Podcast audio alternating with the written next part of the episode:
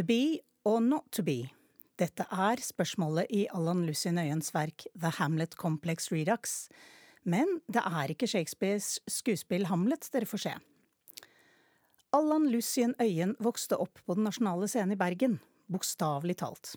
Faren hans var påkleder, og Allan var med mye bak på scenen. Han så alt.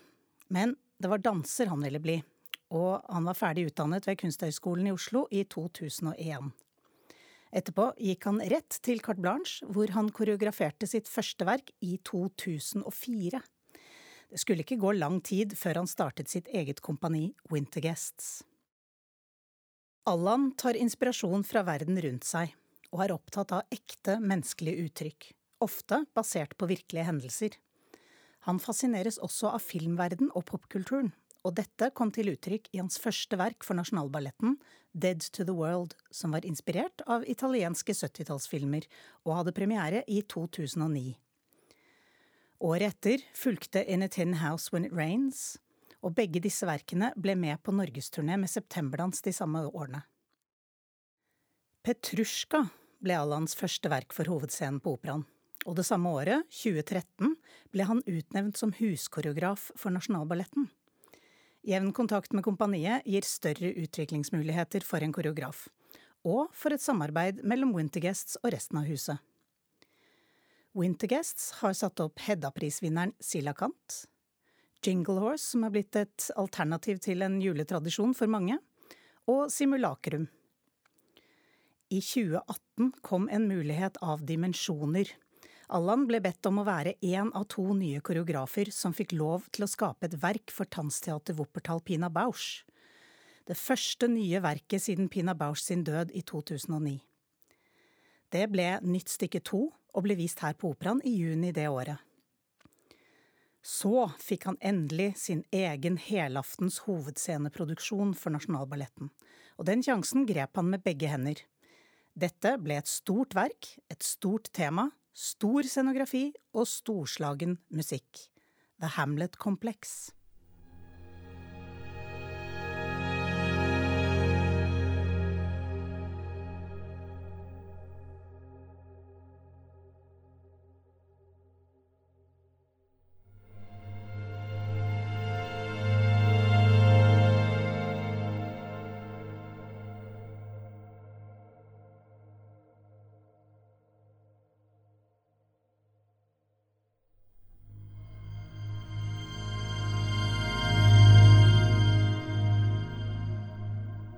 Da covid-19-pandemien traff, sto Alan Lucien Øyen foran store urpremierer i Paris Palais Garnier og Komische Oper i Berlin.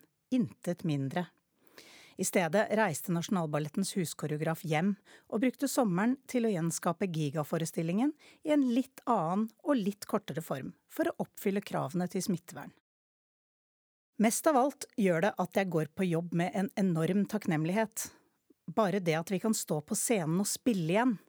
Men det er også en følelse av at det når som helst kan ta slutt. Vi er en kohort, og dersom én faller, setter det en strek over alt sammen. Det er som å slå på stortromma samtidig som vi går på eggeskall, forteller Øyen. The Hamlet Complex Redux er heller ikke Hamlet, men vi kommer ikke helt utenom. Temaet går som en rød tråd gjennom hele forestillingen. De store temaene er der, ofte i en og samme replikk. Hamlet snakker om månen og stjernen og forelskelse og det å være livredd i samme håndvending. Allan og Andrew Whale valgte i stedet å sitere Shakespeare. Utover det tok de seg store friheter, og skrev det ballettsjef Ingrid Lorentzen kaller en Hamlet for vår tid. Det er lett å bli forvirret når man får gjenfortalt Hamlet, men jeg prøver meg på en kortversjon. Mange av karakterene er fjernet, men dette er den generelle handlingen i stykket. Vi er på slottet Elsinor i Danmark på 1600-tallet. Kong Hamlet er død, og vi møter sønnen hans med samme navn. Hamlets mor, Gjertrud, har giftet seg igjen, selv om det er kort tid siden mannen døde, og det med kong Hamlets bror, altså Hamlets onkel Claudius. Dette liker Hamlet dårlig. Et spøkelse viser seg for ham, påstår å være faren hans og sier at han er blitt myrdet av Claudius med gift, og vil at Hamlet skal ta hevn. Hamlet spiller gal for å prøve å distrahere de andre. Han møter sin romantiske forbindelse Ofelia og oppfører seg avvisende og forferdelig mot henne. Hun blir knust og forstår ingenting. I et forsøk på å avsløre Claudius avtaler han med en omreisende teatertrupp at de skal spille et skuespill der en konge blir forgiftet. Claudius forlater rommet under skuespillet og er dermed tydeligvis skyldig. Mens Hamlet snakker med sin mor, ser han at noen spionerer på dem bak et teppe. Han tror det er Claudius og stikker figuren med kniv. Det viser seg å være Ofelias far Polonius. Ofelia blir gal av sorg og drukner seg. Broren hennes, Laertes, utfordrer han til en fektekamp med forgiftet sverdtupp. Claudius prøver å drepe han med giftig vin. Det ender med at både Laertes og Hamlet blir drept av sverdene. Hamlet rekker å drepe Claudius, mens moren drikker av feil glass og dør hun òg. Hvis du er forvirret over hvem som er hvem, kan du gå inn på operaen.no og finne fram til Hvem er hvem i Hamlet Kompleks Ridax. Det er en grunn til at stykket lever videre så mange hundre år etter at det ble skrevet. Alle kan minst fem ord fra Hamlet. Han fant på mange av uttrykkene vi fremdeles bruker i dag, spesielt på engelsk, men også på norsk. Det er helt gresk.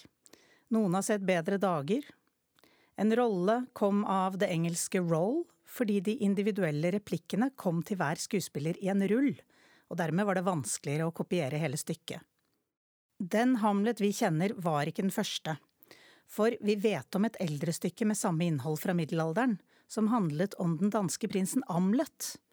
Det var veldig vanlig å skrive om eldre drama og tilpasse det til sitt eget kompani, noe Shakespeare også gjorde. Men hvorfor får så Shakespeare sin versjon av temaet mer oppmerksomhet enn tidligere versjoner? Det markerer starten på en ny måte å skrive på. Det er mennesket som ser inn i seg selv, og Hamlet er en mann mellom to tidsaldre. Den gammeldagse krigerprinsen fra middelalderen, altså handlingens mann, versus den moderne tenkerprinsen, den utdannede, kultiverte mannen. Han tenker mer enn han handler, og derfor blir hevnen utsatt. Hamlet er en av de mest krevende rollene en skuespiller kan spille, og det er svært populært å tolke Hamlet. Noen mener eksempel at Løvenes konge er en versjon av Hamlet. Der hører Simba sin døde fars stemme oppmuntre ham til å gjøre et opprør mot den slemme onkelen.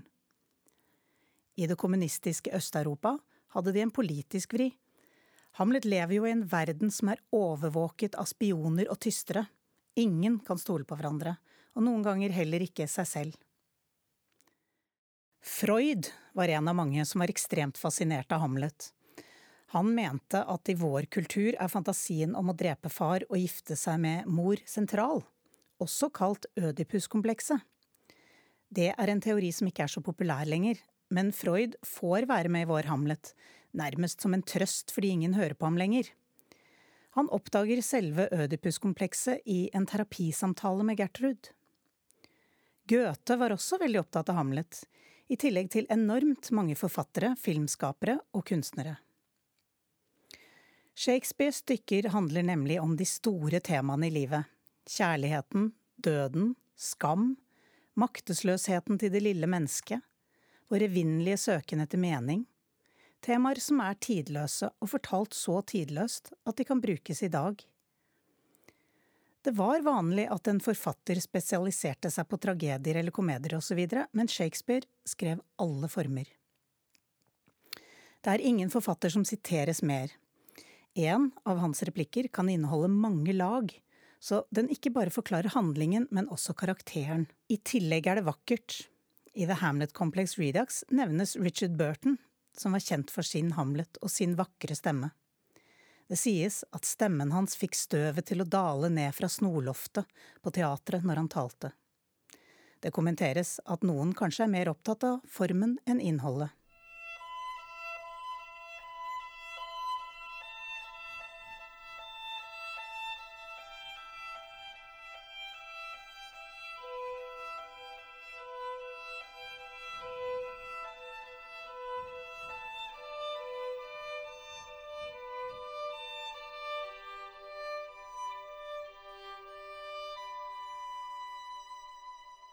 Allan Lucien Øyen har alltid vært fascinert av Hamlet. Stykket har et enormt metamateriale. Det er et av de stykkene det er skrevet mest om, så her har de kunnet boltre seg i akademiske tekster blandet med personlige erfaringer. Slik Allan ofte jobber, lag på lag. Andrew Whale har samarbeidet med ham om manuset, og Daniel Proetto om koreografien. Det både er og ikke er Hamlet. Det siteres fra stykket, både fysisk og verbalt, alle karakterene er der, pluss noen flere. Handlingen i stykket knuses, bitene plukkes opp, og vi ser vår verden gjennom dem. Hver utøver kan ha flere roller, og hver karakter har flere utøvere. For eksempel er døden spilt av én skuespiller, men døden er også Claudius, som spilles av en danser, en skuespiller og et barn. Utøverne trer inn og ut av roller. Vi er dypt inne i en handling, og plutselig kastes vi ut. Det er gjennomgående mørk humor i stykket. Her gjelder det å la seg lede og bli med inn i en spennende, uforutsigbar verden. En gjennomgangsfigur fra starten av er lille Hamlet, en ung gutt som leter etter faren sin. Han vet ikke hvor lenge han har savnet ham, bare at han ikke finner ham. Vi får senere se en scene der den voksne Hamlet skal identifisere faren sin, men han klarer ikke, vil ikke, han kjenner ham ikke igjen, har aldri kjent ham egentlig. Farens død er en katalysator i stykket, og ligger under hele veien, også i fysisk form på scenen.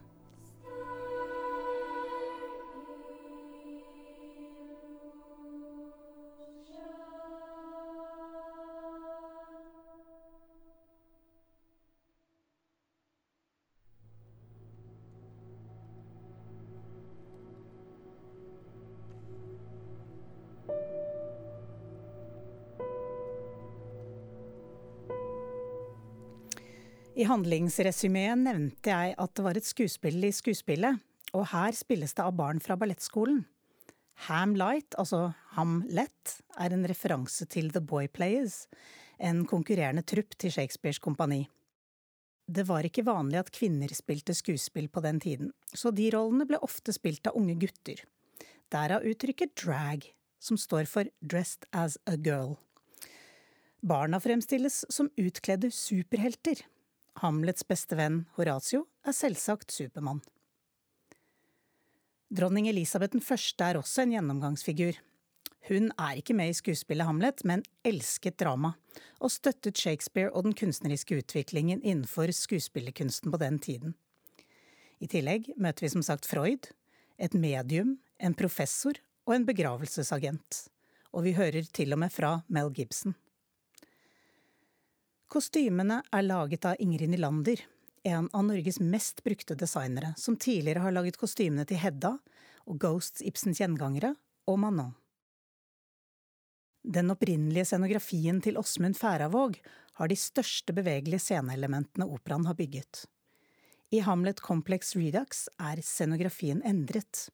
Den enorme sceneriggen fra 2018 er ute. I stedet har et likhus kommet inn, skapt av vårens bilder fra Italia som sitter friskt på netthinnen hans. Ansiktsmaske og smittevernutstyr på flere utøvere er også med som et estetisk virkemiddel. Vi får storslagen musikk av Henrik Skram, kjent for blant annet å ha laget musikken til Snøfall. Og musikken underbygger de store temaene. Som sønn av en av våre største operasangere, Knut Skram, og ballettdanser Hanne Skram, som var med på å grunnlegge Nasjonalballetten, passer denne sjangeroverskridende forestillingen perfekt. Musikken har han dedikert til sin mor.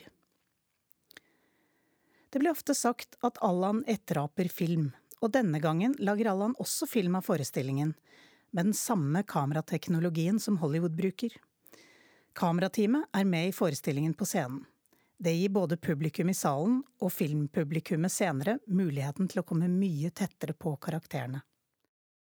Det handler om å gi mest mulig til flest mulig, sier ballettsjef Ingrid Lorentzen. God fornøyelse.